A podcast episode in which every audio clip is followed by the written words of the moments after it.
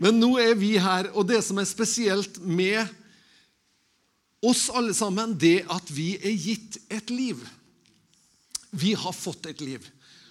Og vi har privilegiet å få lov å leve det livet. Eh, og så hadde jeg lyst til å, Nå har jeg lyst til å, å ta et avansert sitat. Eh, ok, Er du klar for et avansert sitat? Du er det du ble, men ikke nødvendigvis den du er. Derfor kan du avbli den du ble, og bli den du skal være. altså, det er så det, altså, altså, Hvis noen fikk med seg den nå, vil jeg gjerne Nei, det er ganske avansert. For det, eller det er ikke så avansert. Men det er, jeg siterer en hjerneforsker som heter Carolyn Leaf. Og hun sier at uh, Gud har i sin tanke bestemt eller tenkt hvordan du er. Hvordan er du i Gud og fars hjerte? Hvordan er jeg i Gud og fars hjerte? Og så er ikke det nødvendigvis helt den jeg blei. Skjønner du? Og derfor så trenger vi å avbli den vi blei, for å bli den vi er. Sant? Vi trenger å på en måte avprogrammere den vi har blitt, for å kunne bli den Gud hadde tenkt oss å være. Var, det litt lettere nå med, med litt sånn tilpasninger? Eh, og egentlig så er det, det er på en måte det ordet vi kaller for helliggjørelse. Det er på en måte det å få lov å skifte ut de tankene som kanskje preger oss, og sette retning i livet vår som er destruktiv og ødeleggende, og skifte ut de tankene, men det som bygger livet vår, og bygger oss også eh, nærmere Gud, og nærmere det Gud hadde tenkt for oss. I Efeserbrevet står det i det, tre, det første kapittelet, vers 3.: Lovet være vår Herre Jesu Kristi Gud og Far. Han har velsignet oss med all åndelig velsignelse i den himmelske verden i Kristus slik som han utvalgte oss i ham, altså i Kristus, før verdens grunnvoll ble lagt, for at vi skulle være hellige og ulastelige framfor ham i kjærlighet. Noen ganger er det sånn at Guds ord er så djupt og så rikt at vi på en måte skjønner at vi har skjønt bare biter av det. Jeg er privilegert som får lov å stå her ikke hver søndag, men ganske ofte og dele ifra Guds ord. Og Noen ganger så er det sånn at man, når man jobber med Guds ord, så er det ikke sånn at ja, men nå har vi snart jobba, nå er det snart tomt. Nå har, ikke, nå har vi ikke mer å, å, gi, for nå er det snart tomt. Nå, nå har vi liksom skvisa så mye ut av boka at det er ikke mer å hente. Men det er snarere tvert imot. Det er sånn at Dess mer du jobber med Guds ord, dess større djup skjønner man at det er, og dess større, eh, større muligheter skaper det for oss eh, mennesker. Jeg traff en pastorkollega her eh, som eh, gjennom noen omstendigheter har blitt tvunget til å virkelig gå inn i Guds ord for å sjekke ut hvordan det var i ulike ting. Han måtte virkelig grave seg inn i ordet, og grave seg, ikke bare inn i ordet, men også i forskning rundt hva ordet faktisk sa. Og resultatet sa han, det var at vet du, nå, om jeg før ikke torde å fire på Guds ord, så, så, så vil jeg ikke ha en plan om det engang nå. Etter at jeg har gått enda lenger inn i det. Fordi at Guds, Guds ord det er levende virksomt. Og hvordan er det hvis vi på en måte begynner å fire på noe av det? At vi begynner å trekke fra litt her, og det passer litt dårlig der. og, og sånt der. Hva skjer da med kraften i Guds ord. Hva skal vi ta bort? da? Skal vi ta bort det som ikke passer for meg, eller skal vi ta det som ikke passer for Bente? Det er jo stort sett det samme, da, men vi er jo, vi er jo på bølgelengde. Men hva skal vi liksom plukke bort da, hvis vi skal plukke bort noe av det? Og hvis vi har en erkjennelse av at ordet er livsforvandlende, kan vi da i det hele tatt plukke bort noe av det? Jeg tror vi trenger å komme til den erkjennelsen at det kan vi faktisk ikke gjøre. Vi kan ikke plukke bort ordet. Og derfor så må vi i vår tid Nå, nå, nå skal jeg være litt sånn vågal. I vår tid så må vi heller gå tilbake til eh, tydelighet. Gå, gå tilbake og, og, og, gå opp på en måte litt sånn, sånn tapt terreng. Fordi at vi på en måte har gitt litt etter litt etter. og så ja, tilpasser vi oss der, og så tier vi stille der, og så hysjer vi der. Og så, og så, på en måte blir vi, blir vi på en måte litt sånn forma etter hvert. da, Og så merker vi det at vi er ikke veldig frimodige lenger på sannheten. Fordi at vi har fira litt tidligere, vi har lempa litt tidligere på sannheten, så blir vi på en måte litt sånn Ok, nei, men nå er jo noen ting som er ubehagelig her nå. Noen ting som er på en måte krever meg.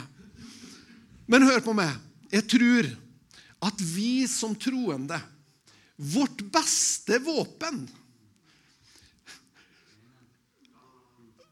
Vårt beste våpen, det er å gi oss enda mer til å finne ut hva betyr ordet i praksis for meg.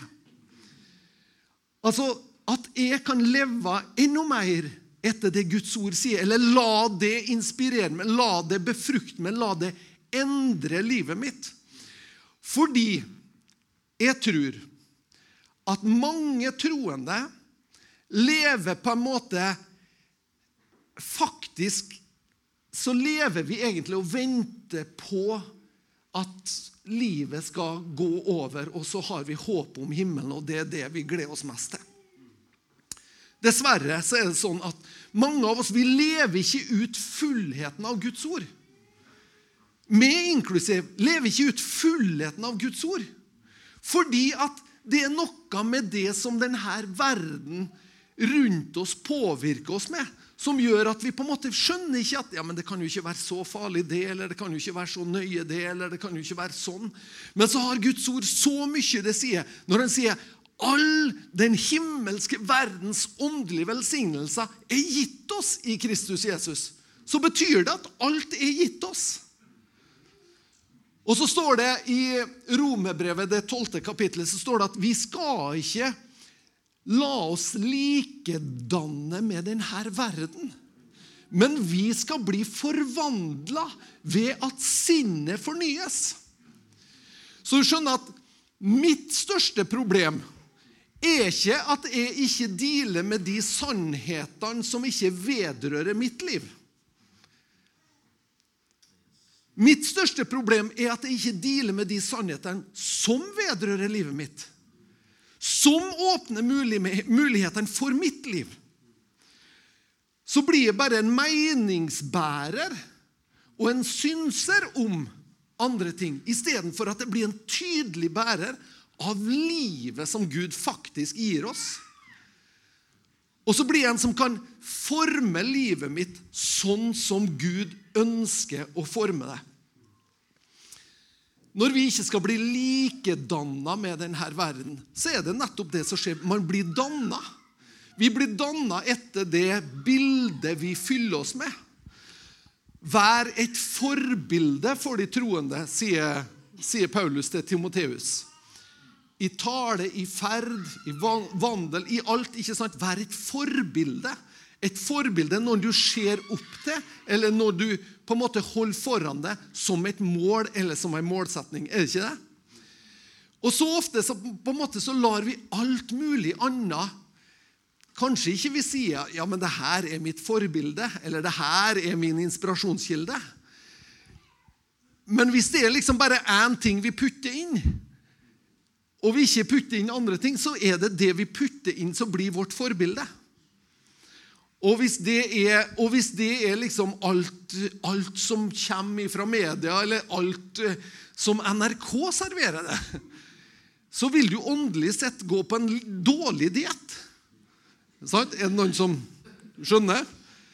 Da er det på en måte det, det, vi Men det er så lett for oss at vi på en måte vi, fordi at det er jo det som, den kaka som males for oss. Det er den kaka som males, og da er det så lett at Ja, men ja Nei, men jo. Og så blir vi på en måte danna litt etter litt, så blir vi likedanna i våre meninger, i våre tanker, med denne verden. Ok, Hvis vi snur tanken, da, er det sånn at Gud, Gud henger ikke helt med? Er det, hvis du, Motsatt til tanken, da. Du skjønner at Gud det er greit, altså, men, men han henger ikke helt med. Så han, han, det er jo han som må oppdateres. Han må oppdateres. Vi må på en måte få en, få en liksom, eh, ny versjon av Gud som er oppdatert, og som, som er liksom henger med i tida. Vi flirer, men det er egentlig det som skjer. Vi får en oppdatert versjon av Gud. Nei, du skjønner at Gud han syns ikke det lenger. nei. Du skjønner at nå har han jo forstått det. Han skjønner jo det at, eh, at det som før ikke var bra for mennesker, det er nå veldig bra blitt. For at Gud har liksom innsett han tok jo helt feil. Så liksom Det er omskriving av eh, instruksjonsboka, eller hva er det? Jeg tuller litt. Men samtidig så er det på en måte litt sånn Hvordan skal vi, hvordan skal vi på en måte ta det til oss, da? Er vi unge i dag? Hvor mange er som er unge her? Det var godt å se. Og alle dem som var unge, retta ikke opp hånda bare så de veit det. De liksom 'Hallo, hvor pinlig er ikke det?' da? Og alle som hadde lyst til å være unge, de var oppe. Ja, Veldig bra. Men er du ung i dag? Er det sånn at, vet du, nå, er du ung i dag, så trenger du forbilder som går foran, ikke bare i å synes ting om ting, men som tydelig lever et liv som er attraktivt, som er noe du vil ha, som er noe du ønsker å få del av. Noen som har blitt forvandla ved hva for noe da? Jo, ved fornyelsen av sinnet. Ved å ta imot Guds tanker og Guds syn på ting mange, mange, av oss vi, vi, vi, liker å bekymre oss. Er det noen som liker å bekymre seg? Ingen? Ja. Vi liker å bekymre oss. Hva sier Guds ord om det? Hva sier Guds ord om å bekymre seg? Med all din bekymring kan du ikke legge en alen til din livslengde. står det blant annet. Og så står det at du skal kaste alle dine bekymringer på Herren. Hvorfor da? For Han har omsorg om det. Ja, det er lett å si. Det er, lett, det er lett å si halleluja, men det er verre å gjøre det. Men det, det, er jo faktisk det det står. Det betyr, altså Når Bibelen sier at vi skal ikke bekymre oss, så er det faktisk sånn at det er ikke bra for oss å bekymre oss. Det skaper ikke noe som er positivt i oss å bekymre oss. Å bære på engstelse eller bekymring. Å spinne på sånne tanker skaper ingenting positivt i våre liv. Jeg husker mor mi hun har, hun har svart belte i bekymring. Altså, Om vi var ute og kjørte en sommerkveld, så kunne, kunne, hun bekymre seg om at når vi kom rundt en sving, så var det en snøskavl der. Altså, det var liksom, Hun, hun dikta opp ting. Og nå vet vi at noen ganger så er det sånn at, eh, at eh, Men vet du hva som går an å gjøre? Det går an å be. Det går an å be. Det går an å, å øse ut av bønn og påkallelse med takk, står det. Jeg skal ta og Vi skal lese noen vers sammen.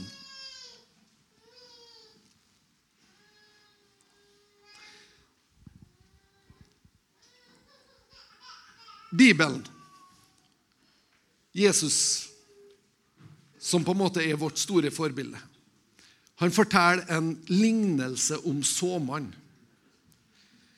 Om at vi At ord sås, og ord skaper, og ord vokser opp og bærer frukt, eller får ikke vokse opp for å bære frukt. Sant?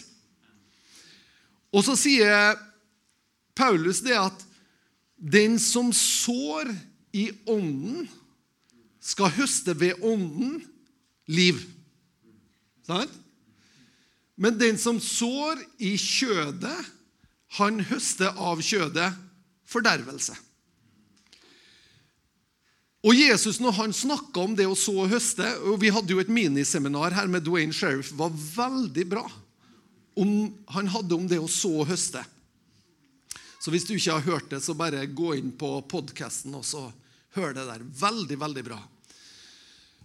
Men han gir oss altså et ansvar for hva vi lar sås inn. Hva lar vi sås inn i hjertet vår? Hva lar vi sås inn i livet vår? Og Det er derfor jeg sier hva har vi blitt? Jo, vi har blitt det som har blitt sådd inn. Og det som har fått lov å vokse i våre liv, det er det vi har blitt. Det er vi har, der vi har endt opp. Det er på en måte det som har fått rommet og har fått lov å vokse opp. Det har vi blitt. Og så kanskje på noen områder så er det kjempebra. På noen områder så er det veldig bra. Noen av dere er noen av dere f.eks. takknemlighet. Noen av dere har kanskje gaver i takknemlighet. Øser ut takk, er supertakknemlig. Og, når det kommer til det i ditt liv, så er det på en måte det er en fryd å være sammen med deg fordi at du er så takknemlig. Sant? Men så er det kanskje andre områder i livet som på en måte ikke er f.eks. bekymring. Det er, også, det er også noe som er på en måte Der kjenner vi at der lugger det. Sånn at vi kan ha forskjellige områder i livet der vi på en måte har latt Guds ord enten vokse opp, eller så har vi latt andre ting få lov å vokse opp. Og da sier Bibelen i, i ordspråkene fire Min sønn og datter. Det er sånn, sånn ny versjon. Lytt nå når jeg taler. Vend øret til mine ord. Slipp dem aldri av syne. Hva er det? Det er ordet. Hvis vi kan tenke oss at Guds ord, det er rettesnora, instruksjonsboka for menneskelig liv.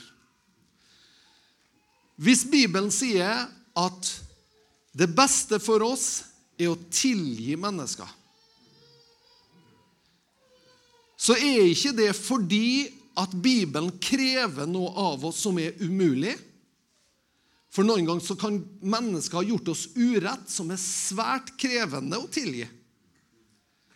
Men Bibelen sier at vi skal gjøre det for sjøl å være fri. Ved å slippe en urett som er gjort imot oss, så setter vi oss sjøl fri. Har du noen gang opplevd at noen har enten snakka noe om ditt liv eller gjort noe imot ditt liv. Og så opplever du at sjøl om den personen kan være 40 mil borte ifra deg, så kjenner du det i magen når du våkner på morgenen. Noen som har opplevd det? Du kjenner på en måte at her er det noe som er uoppgjort. Og hver morgen så så våkner du fordi at du tenker på den personen. Eller det, Og du veit kanskje ikke helt heller. Og så kjenner du det er noe som har kraft. Det er noe som tar energien ut ifra det. Men så sier Bibelen at vi skal tilgi. Tilgi dem som har gjort oss urett. For det som skjer når vi tilgir, det er at vi slipper dem. Og dem har ikke lenger makt over oss. Så lenge vi bærer på utilgivelse, så er det faktisk sånn at det fins andre mennesker som har makt over oss. De har makt over følelseslivet vårt. De har makt over hvordan du og jeg opplever oss sjøl. Men når vi får kraft til å tilgi, så klipper vi av den snora. Og det jo, betyr jo ikke at det ikke er krevende. Men når Guds ord sier det, så er det sånn at det ligger frihet i det. Det ligger en mulighet i det når Guds ord sier det. Vend øret til mine ord, slipp dem aldri av syne. Hva betyr det? Hva står det? Mediter på Guds ord. Ta til det, tenk på det. Ta til det ordet. For øvrig, tenk på det som er rett, det som er godt, det som er æreverd. Hæ? Tenk på det som er på en måte positivt og godt. Det er det Bibelen sier. Er ikke rart? Han sier det. Tenk på det som er positivt og godt. Det er litt Tenk, Jaha, skal vi begynne med det nå? Ja, det skulle tatt seg ut. Hvem skulle tatt hånd om bekymringene da? Hæ? Liksom første, første, altså når, det, når det er sånn håndsopprekning Vi trenger noe, noe frivillige her. Ok, Kan noen ta hånd om bekymringene? Ja! Alle opp med hånda. Det er så lett for oss. Ok, Hvor mange har lyst til Ok, Den kommende uka, hvem er som er frivillig på positive tanker? Kom igjen, opp med hånd. Ja, det var, det var bra. Det var bra. Positive altså, Men vi er egentlig litt sånn Positive tanker? Skal vi begynne med det nå? Ja, det er nettopp det vi skal begynne med, fordi at da blir vi likedanna. Da blir vi likedanna med Guds bilde av oss. Da blir vi forvandla til det bildet han har. Og det er der vi har styrke å hente. Det er der vi har det, er det spennende for oss.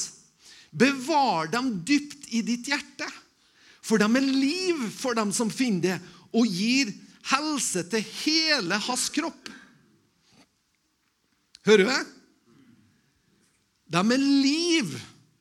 Guds ord, Guds tanker, Guds prinsipper er liv og legedom for oss.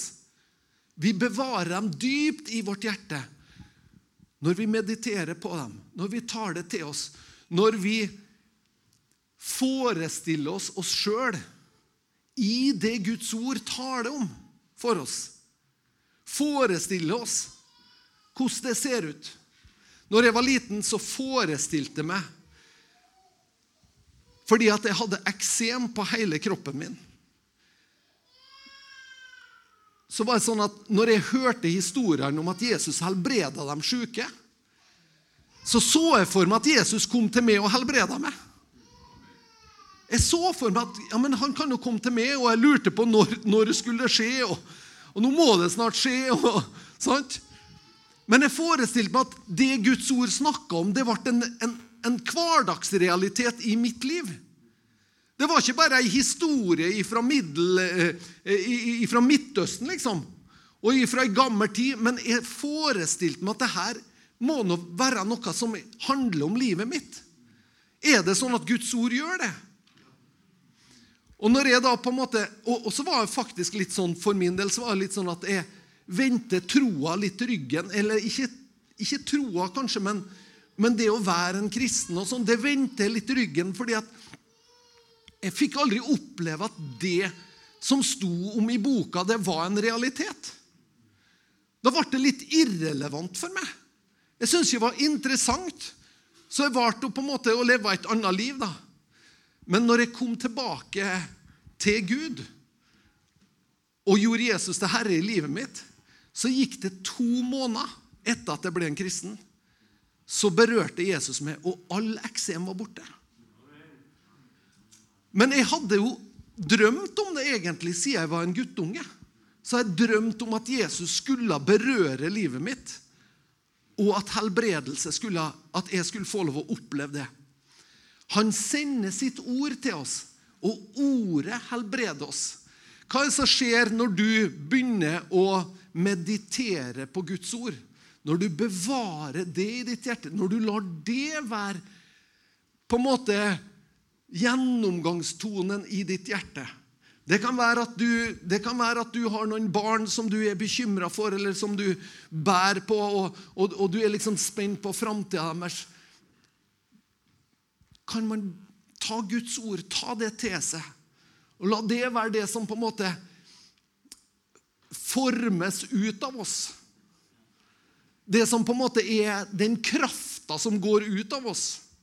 Når Jesus sier eh, eh, Eller den eh, høvedsmannen som kommer til Jesus, sier Tal bare et ord, så vil min tjener være frisk. På samme måte som Jesus var over tid og rom.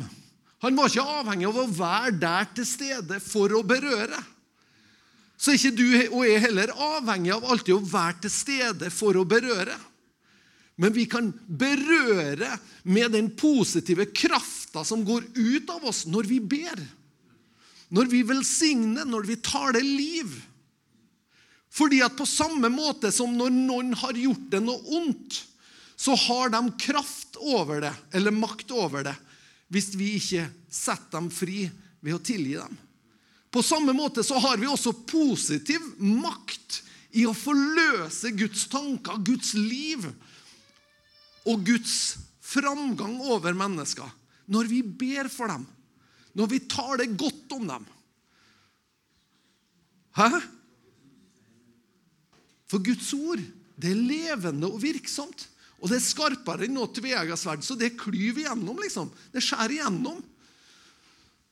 Ja, men Erlend, hvordan, skjer ta ut i praksis, da?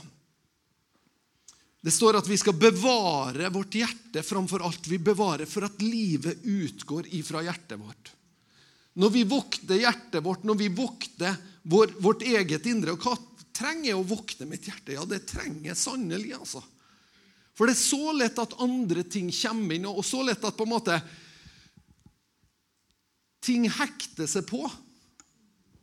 Som er negativt, som er på en måte destruktivt. Så trenger vi å lære å kjenne oss sjøl, sånn at vi veit hvordan vi heller kan ta tak i det positive. For det er sånn at på en måte alt som er negativt, det har en positiv motsats. Og alt som er positivt, har også en negativ motsats. Frykt og kjærlighet.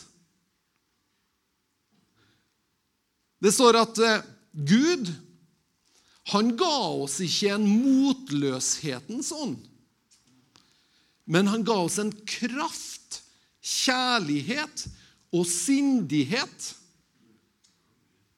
Han ga oss kraft, kjærlighet og sindighetsånd, ikke motløshet. Kjenner vi noen gang på motløshet? Ja. Motløsheten kommer og banker på døra og sier kan ikke jeg få lov å komme inn og ta en kopp te med det nå. Skal vi sette oss ned og så skal jeg fortelle deg hvor gale det egentlig er? Det er mye koseligere å ha liksom annet besøk på kaffeselskap eller teparty. Ja, men nå inviterer vi inn kraft og kjærlighet og sindighet. Altså, hæ? Sunt sinn, det inviterer vi inn. Nå skal vi ha en kopp kaffe her. Så setter vi oss ned. Kjærlighet. Ja, du er elska av Gud. Du er fantastisk. Du, du, er, du er unik. Wow! Han har så mye godt for det. det hva? Teselskap går fint. Teselskap med gode tanker, med kraft, med kjærlighet, med sindighet. Det kan vi sette oss ned så kan vi snakke. Ja, men hva har vi for godt i vente? Jo, du skjønner at det, det her eh, økonomien din vet du, det er, det er skjønner du. Det er velsigna, skjønner du, for at det, eh, Gud har allerede hørt eh, bønna di, og det er noe på gang her. Altså, Behind the scenes så er det noe som er på gang. Og Gud ønsker å bringe det fram til deg. Og så forløser vi det istedenfor å gi rom til det som holder oss nede i motløshet. Er det noen som noen gang har opplevd noe at du har vært skikkelig bekymra for noe? Og så, ja, Er det noen som har opplevd det, og så ble det ikke sånn? Hæ? Nesten skuffa, vet du. For du har brukt så mye energi og kraft på å bekymre deg om akkurat det, og så gikk det bra lell, liksom. Men det er noe med at vi våger å ta Gud på alvor. Og jeg tror at eh, jeg, tror at vi som troende, når vi mediterer på Guds ord, når, vi bevarer ordet i vårt eget hjerte Det er noe som skjer. Da materialiserer ordet seg og bli virkelighet i våre sine liv. Jeg tror mange ganger så handler helbredelse faktisk også om det. At vi kan ta imot, for Bibelen sier faktisk at ved hans sine sår så har vi fått legedom. Og nå vet jeg at så fort jeg sier det, så sitter vi med 20 000 eksempel på at det ikke skjedde. Men allikevel så sier Guds ord det. Så da stiller meg spørsmål ok Gud, er det måter jeg kan erfare det på. Er det måter jeg kan få lov å se en ny, eh, en ny historikk på det emnet? Og hvis vi spør da, hvis vi spør, Hvor mange her er det som har opplevd å blitt helbreda? Så det er ganske mange som har opplevd Opp med hånda en gang til, og så holder du ordentlig opp. Ser du det? Det er ganske mange som har opplevd å bli helbreda. Det vil jo også si at da er jo de historiene like reelle. Så vi har erfaringer på en måte på begge deler. Men jeg tror at når vi bevarer Gudsordet i vårt hjerte, så begynner vi å få mer erfaring av det ordet sier, enn det på en måte som eh, andre omstendigheter sier. Sånn at vi lærer oss litt etter hvert. Og hva er det som skjer når jeg lærer meg det, når jeg ser det bli en realitet i livet mitt? Jo, da plutselig er det sånn at jeg begynner å snakke med en Frode om det. Jeg begynner å snakke med Marianne om det, jeg begynner å snakke med Ann Karin om det. Jeg begynner å snakke med folk om de erfaringene. Wow, men Gud er jo trofast. Og så begynner og Ann Karin vet du, begynner å si sier jo det? Sier, hun er jo lettantennelig. Altså. Så hun kommer med kontrahistorie, så jeg blir jo minst like oppmuntra i retur.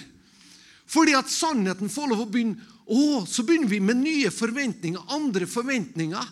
Forventninger til at Gud faktisk har omsorg for oss, og at Hans ord er sannhet.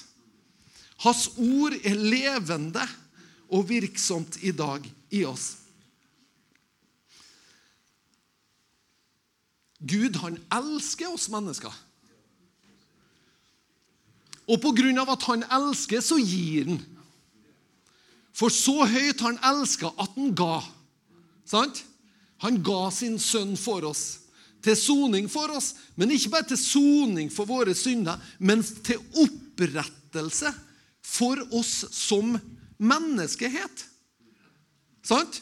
Han gir seg sjøl for å opprette oss som mennesker innenfor Gud. Sånn at vi kan leve som om fallet ikke har skjedd.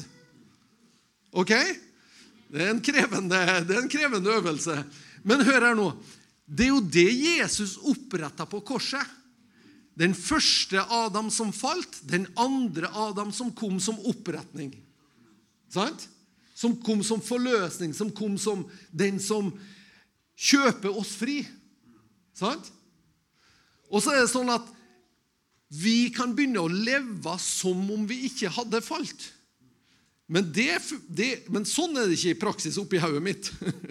For der er det mye forskjellig. Ja, nettopp. Det er mye forskjellig oppi hodet vår. Men det er nettopp der vi kan få lov å ta til oss Guds ord og meditere på det. Hvis du er at når du tenker negative tanker, så blir de tankene til materie i hodet ditt. De blir til materie. Det, altså det blir, det, din hjerne utvikler seg hele tida. Og dine negative tanker de blir til negative bygninger, eller tankebygninger, i hodet. Sånn er det. Men tenker vi på det som er godt, det som er æreverdt, det som er rent, det som er verdt å aktes, det folk tar det vel om, da skapes det også det positive bygninger i hodet ditt.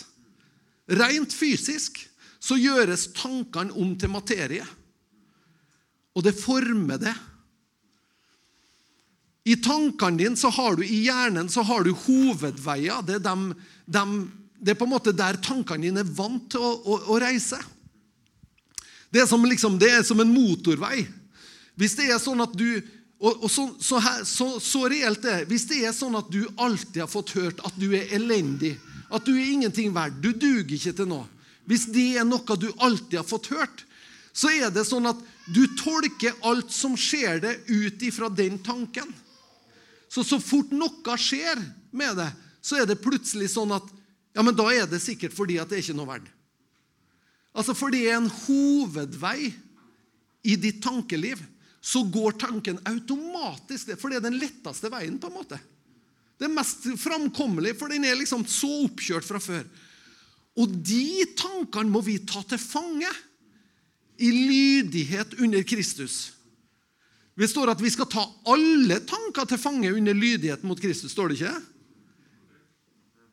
Alle tanker skal vi ta til fange under lydighet mot Kristus. Hva sier Guds ord om det her?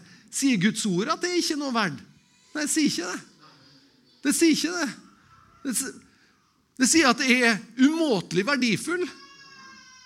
At det er hans øyenstein. Men når jeg begynner å tenke de tankene Hvis hovedgata i hodet mitt er negativt om meg sjøl, da er det vanskelig til å begynne med å ta imot tankene. Og da står det, Når Jesus snakker om såmannen, så står det at da kom, da kom fuglene med en gang og tok det som var sådd. Sant? For fienden er så vant til at det der snapper lett. Så det er ingen problem. Jeg snapper det så lett. Så at det her får ikke slått noe rot i det, for du er jo vant til å tenke så negativt om det sjøl. Så da snapper vi det lett. Og så blir ikke det noe, får ikke det slå rot. Men så står det så fint, for det står at Guds ord er som en hammer som knuser klippen. står det. At til og med der på en måte, Det er litt hardpakka jordsmonn fordi at man har hørt så mye negativt. Man har opplevd så mye negativt. Så er jordsmonnet hardpakka. Men sånn at Nei, men du er elska, du. Dunk. At du er verdifull, du. Bam. Du skjønner at du er min øyensend. Dusj.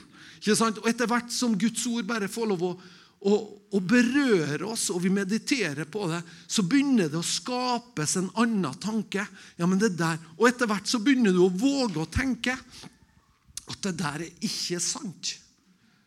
Tenk for et barn da, som har hørt det fra han var bitte små. At du er ingenting verdt. Du, er, du, er, du skulle ikke vært til engang, du. Vi var bare uheldige at du ble til. Altså, Hva skaper det? Ja, det skaper negative tankemønster. sant? Men vi er gitt Guds ord, som har positive tanker for oss, som har livgivende tanker for oss. Til å bryte ned det her og begynne å blomstre isteden i Guds tanker. Skjønner du at det er verdifullt? Men samtidig så er det på en måte du og jeg som har det her valget. Altså Det holder ikke for meg at noen andre bestemmer seg for at nå skal ja, nå skal, nå skal, nå skal Erlend liksom på sporet her. Det er jo bra hvis noen oppmuntrer meg. Det er jo bra hvis vi kan oppmuntre og heie på hverandre. Det er jo supert. Men allikevel så er det jeg som må ta en beslutning om at jeg ønsker å la Guds ord være på en måte det som er autoriteten i mitt liv. Sånn at jeg våger å tro det, og jeg våger å ta imot det, og jeg våger å bli likedanna til det bildet. Kampen står i sinnet vårt. Kampen står i tankene våre og i sinnet vårt. Det her på en måte det, det, det, liksom, Våre våpen er ikke kjødelige, men de er mektige, står det. Er ikke det fint? Våre våpen er ikke kjødelige, men de er mektige innenfor Gud til å rive ned tankebygninger. Og enhver festning som reiser seg opp imot kunnskapen om Gud. Sant? Det betyr Guds tanker. Det betyr Guds ord, Guds idésett. Det er massevis som reiser seg opp. 'Nei, men det kan ikke stemme.' 'Nei, da, å fy, å fy, det, ikke, nei, det kan det ikke være.' Så det er mange ting som reiser seg opp imot Guds ord og imot Guds tanker. Men våre våpen, som er Lovsang er et våpen. Når du er innenfor Gud i lovsang, når du tilber Gud, da åpnes du opp for å få nye bilder. Noen ganger i lovsang så kan man se ting inn i framtida. Guds ord er et våpen. Når du tar til deg Guds ord, så er det et mektig våpen. Og vi kan ta i bruk de her mektige våpnene og ta tankene til fange under lydighet. Det som svirrer i topplokket. Det som rører seg. Og så er jo Den gode anbefalinga er jo da Guds ord. Så enkelt. Og Det er litt herlig å si det. altså i 2000 år så er, så er det fremdeles det her som er svaret. Det er liksom ikke noe nytt svar. Det er det her som er svaret. Men det som er kult etter 2000 år, det er at forskning bekrefter det Bibelen har sagt hele tida. Forskningen streker under og sier det her er kjempeviktig. Når Bibelen sier at vi må ta tankene til fange, så sier forskning nå at det er kjempeviktig å ta tankene til fange. For hvis du lar tankene springe av gårde, så kan de skape masse ting.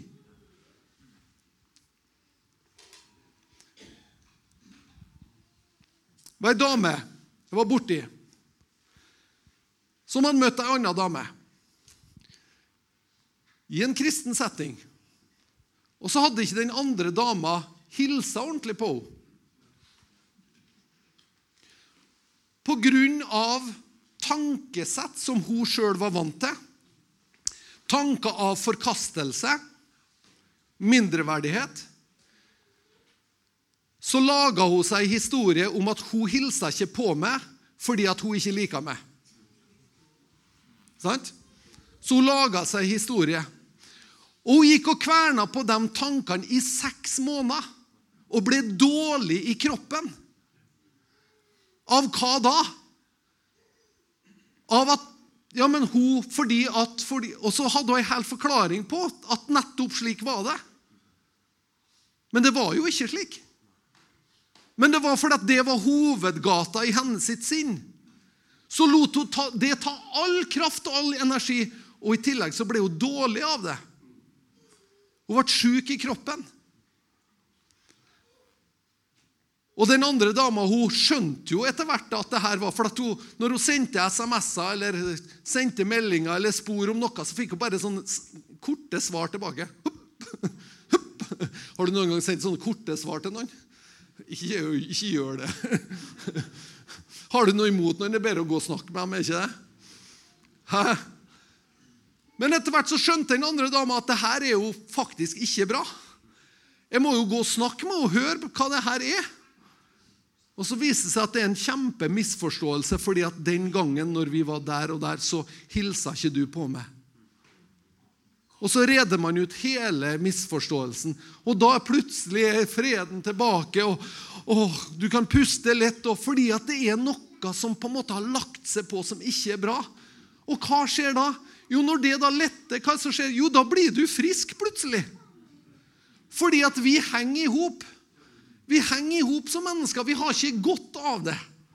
Men vi har godt av å tenke på det som er æreverdt, det som er godt, det som er rent. Altså, og alt vi foretar oss som mennesker, det, det, det, skjer først i sinnet vårt.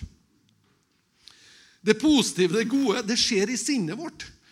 Hvor mange av dere har, har tenkt at å, jeg, har, jeg, jeg har, egentlig lyst å gjøre, oppleve det som Bibelen sier? da, At når jeg legger hendene på de syke, blir de friske? Det er noen som har tenkt at 'jeg har egentlig lyst til å oppleve det'. Sant? Vi har tenkt det.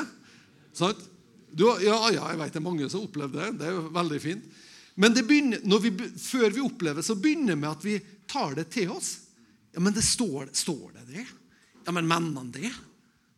Men, det at, mennene virkelig det at disse tegn skal følge dem som tror? Eh, og, og de skal legge hendene på de syke, og de blir friske? Ja, det, ja, men det står noe. Han sa det nå. Og hvis han har ment noe annet, så burde han heller ha sagt det han mente. Og så begynner vi, og så tenker vi grubler vi og mediterer vi på hvordan kan ta være, kan ta henge i hop. Jeg husker jeg hadde en diskusjon med, med far min. Han, han, han, mente det at eh, Nei, du skjønner, Erlend, at Han var litt sånn teologisk. da. Så han sa du skjønner, Erlend, det der var for den første tid. For apostlene sin tid. Og jeg sier, pappa, jeg tror ikke jeg kom til å stått sånn hvis det hadde vært det.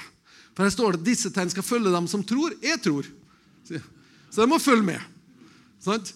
Ja, nei, Og så har vi lange diskusjoner. og Pappa liksom var veldig sånn jeg, Ja, men pappa, hvorfor skjer det da når jeg ber for folk? Nei, det, ja, jeg da. Jeg da. og så, og, men så, måtte, så han måtte jo gå en runde med sitt tankesett på det her. Han gikk en lang runde med sin egen tanke på det. Og så etter hvert så skjønte han ja, men det, det, det, det, er jo det det står.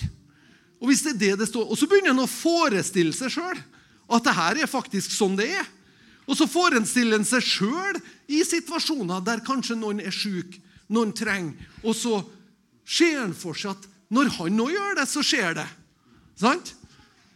Altså Daniel, Vår egen Daniel Smenes han er jo, han er jo, han er jo der. sant? Det skjer jo hele tida. Ester fortalte fra Afrika det er jo nydelig. Og faren min da, han, han kom en gang på besøk til Frei da, til oss, og, og, da hadde han altså da hadde han kommet til, til Krifast-bua, altså der du skal betale bompenger i Krifast.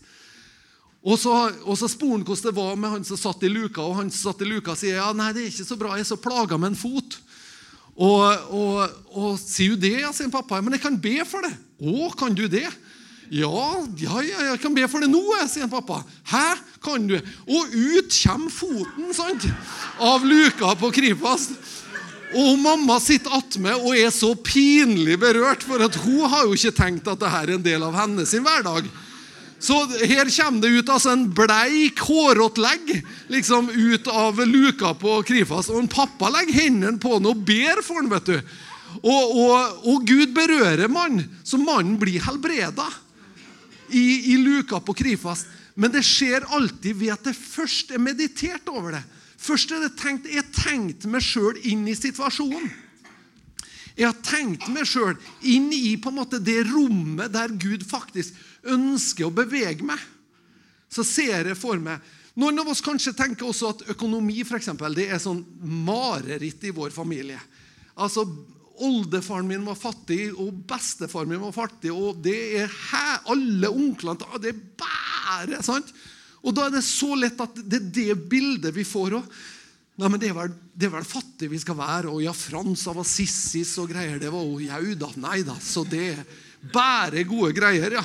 Ikke sant? Og så, og så sier Guds ord ja, men Gud prøver liksom å hinte litt innpå det. Jeg ønsker faktisk å velsigne Nei, det ønsker du ikke. Nei. Og så på en måte forestiller vi oss ikke Men når vi begynner å ta til oss Guds ord, så skjønner vi at men det er jo ikke, det er jo ikke. Ja, jo da, for du skjønner at eh, rikdom og det Å, fy, altså! Da, det er da du. Også, for at vi ser for seg at det er rota til alt ondt. da, sant? For det står jo i Guds ord at, at penger er rota til alt ondt. Står det ikke? Ja, bra. Våken, våken, våken. Nei, det står til kjærligheten til penger er roten til alt ondt. Gjør det ikke? Sant? Men Det står ikke at penger er det, eller rikdom er det. Men hvis vi har kjærlighet, hvis det er der vi har vårt begjær, og, og på en måte der vi ønsker å eh, ønsker liksom eh, Jeg vet ikke hva jeg skal si engang. Eh, blir feil. sånn? Men Gud ønsker å velsigne oss, og først må vi forestille oss faktisk at det han sier, det stemmer faktisk. Han vil det. Ja, men er jo ikke gjort... Nei, men Det er ikke fordi at du har gjort det fortjent, det er bare fordi at han ønsker å øse sin godhet over det så ønsker han å bringe noe nytt over livet. Og I område etter område kan vi på en måte forestille oss det Guds ord sier. Vi kan bevare det i vårt hjerte. Så plutselig er det sånn at du reiser det over det slekta de har vært. Du tar et knepp opp i forhold til det på en måte du er opplært til, og det som på en måte folk forventer at du skal være i. Oi, oi, oi. Salige visshet, skulle du si. Så Gudsordet er vår største mulighet. Og vet du, Det er ikke bare at det er vår største mulighet, men det er også den sterkeste attraksjonskrafta på denne verden. Det er når vi lever Guds ord. Når Guds ord er levende i oss, når mennesker ser frukta av Guds ord i våre hverdagsliv. Det er da vi har attraksjon på verden. Men hvis vi hvis vi er liksom fjols til fjells, som liksom går rundt og, og, og bare Ja, ja jeg, jeg, er kristne! Så jeg, bare så du veit det! altså, så er det på en måte ikke det, er ikke det er ikke liv å øse ifra det. Men det er liv å øse fra når, når vi lever ut det her, når Gudsordet manifesterer seg kjøtt og blod i oss. Da det, har det attraksjonsverdi på vår neste og på mennesker rundt oss. Og til og med skjønner vi, for at vi tror at det er veldig skummelt å stå for noe. Det tror vi er kjempeskummelt. Vi tror at Hvis du står for noe, så er på en måte da da er ingen som liker det. Det er ikke sånn. Spørs litt hvordan du står for det. Måten, men det er mange måter å si at du, det her tror jeg faktisk på. Og vet du, Hvis du er oppriktig i din tro, og oppriktig når du fremlegger din tro, så vil de aller fleste respektere det. Og så er det noen som aldri kommer til å respektere, og det kan du ikke gjøre noe med. Men du har lov å tro det du tror, i alle fall. Sant? Ok, hvordan, avslutter vi det her? Vi er i hvert fall glad. Det kan vi avslutte med. Og så tenker jeg også at vi kan være forventningsfulle. Og så kan vi bruke ordet Og så tenker jeg at vet du, hvis du og jeg kan leve der at vet du, jeg ønsker at mer av ordet skal bli en realitet i livet mitt. Jeg ønsker at et større rom skal åpnes. Og nå tror jeg ikke liksom å bam, så var alt på plass. Men jeg tror bit for bit så kan vi ta til oss litt etter litt av Guds tanker. Vi kan skifte ut og fornye sinnet vårt og tankene våre. Og så ser vi at vet du noe, da blir vi gode ambassadører for Guds rike. Hvis vi lever gode liv, så blir vi det. Det betyr ikke at vi lever liv uten utfordringer og uten problem. og uten sånn. Men det betyr at vi har ei kilde å øse fra. Vi kan komme til Han. Vi kan komme og så kan vi drikke. Kanskje noen gang ufortjent eller uforskyldt av frelsens kilder. Men vi har noe å hente styrke ifra. Og det er attraktivt, for det er faktisk noe som er mangelvare i vår tid. Så trenger vi det. Hvis det Øyvind og Edvard kan komme opp, skal vi gå mot, eh, gå mot landing. Og det som er litt sånn bakgrunnen for den her og jeg, jeg, liksom, jeg kjenner at når jeg tar deg sånn preken som jeg har i dag, så er på en måte Det ligger en sånn lengsel etter at du og jeg skal gjøre oss erfaringer med, djup, med djupet i hvem Gud er, og med djupet i hva Han ønsker å åpne for oss. Er du ung, og livet liksom ligger foran deg, og, og du har beslutningene og bestemmelsene som ligger foran deg, så fins det ingen som han som kan bygge de framtid sammen med deg.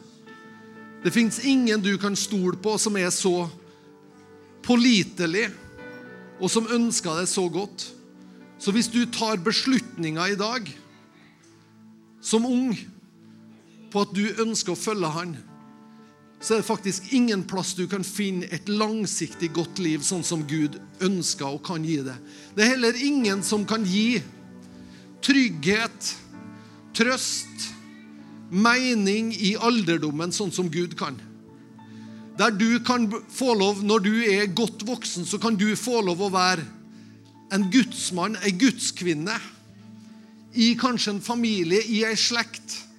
Så kan du få lov å være en bærer, en patriark, en bærer av salvelse, kraft, sannhet visdom og liv.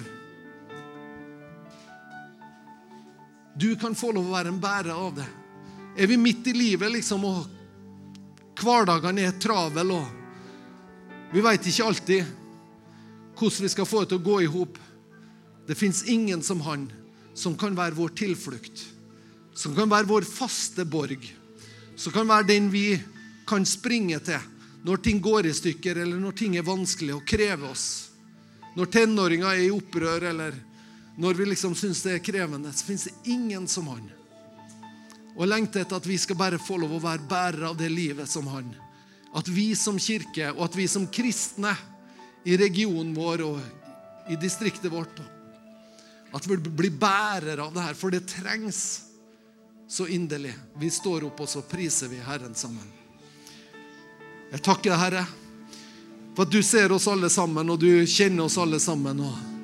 Og jeg takker, Herre, at, at du er så begeistra for alle oss og alle mennesker. Du er så begeistra for oss, og du ønsker å bringe liv og bringe fred og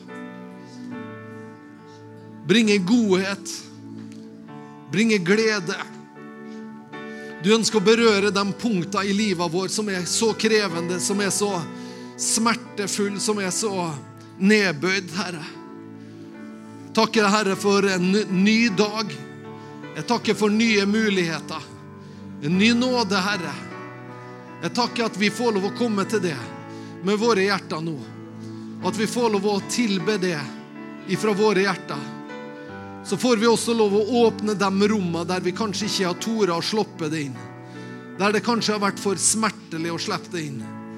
Og Så kan vi få lov å åpne de rommene og så si, Hellige Ånd, bare kom inn, Hellige Ånd. Kom inn, Hellige Ånd. Kom inn i min mindreverdighet. Kom inn i min fornedrelse. Kom inn i det som er brustent, det som er brutt i mitt hjerte. Kom inn, Herre. Kom inn med ditt liv. Kom inn med din legedom. Kom inn med ditt ord og med din sannhet. Kom inn med oppreisning. Kom inn, Herre, med styrke, med legedom. Kom inn, Herre, med tilgivelse, med fred. Kom inn, Herre. Kom inn i livet vår, Herre. Kom inn i planene våre. Kom inn i tankene våre for framtida. Kom inn i bekymringene våre, Herre. Avslør dem, Herre. Avslør bekymringene våre, Herre. Å, kom inn, Herre, og berør oss, du.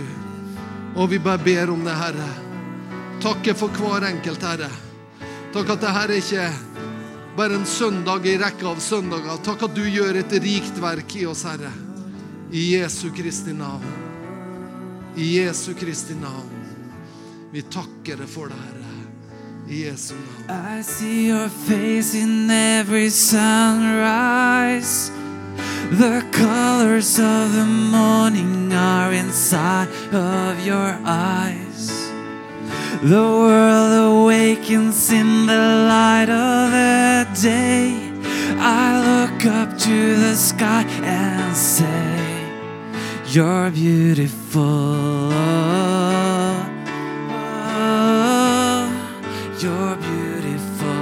Oh, you're beautiful. Oh, you're beautiful. Oh, I see your power. I see your power in the moonlit night where planets are in motion and galaxies are bright. We are amazed in the light of the stars. It's all proclaiming who you are. You're beautiful. Oh, oh. Sing ut til Gud. Oh, you're beautiful.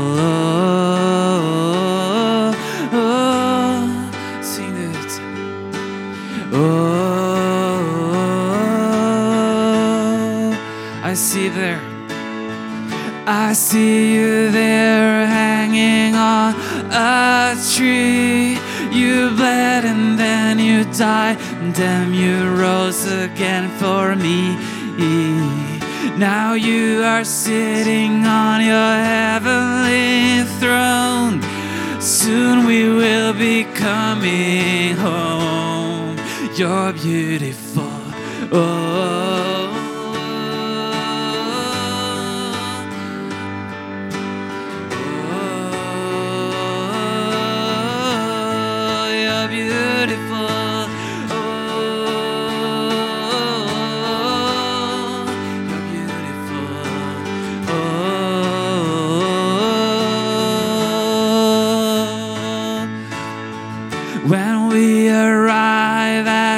Eternity's shore, where death is just a memory and tears are no more, we'll enter in as the wedding bells rings.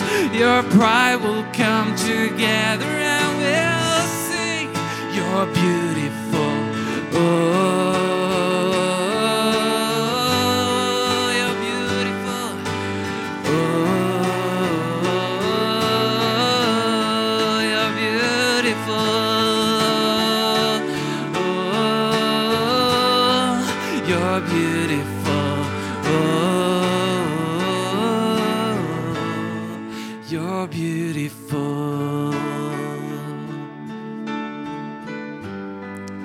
Gud.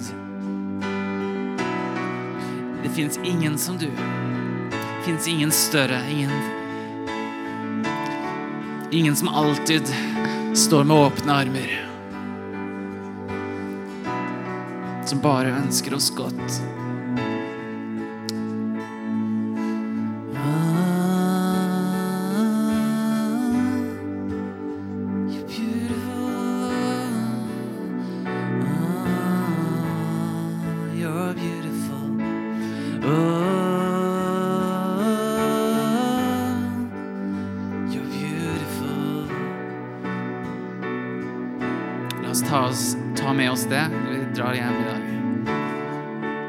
På Gud, så tenker vi på en fantastisk, fantastisk Gud.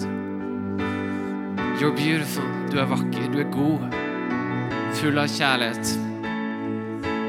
Bare gode tanker. Bare gode tanker.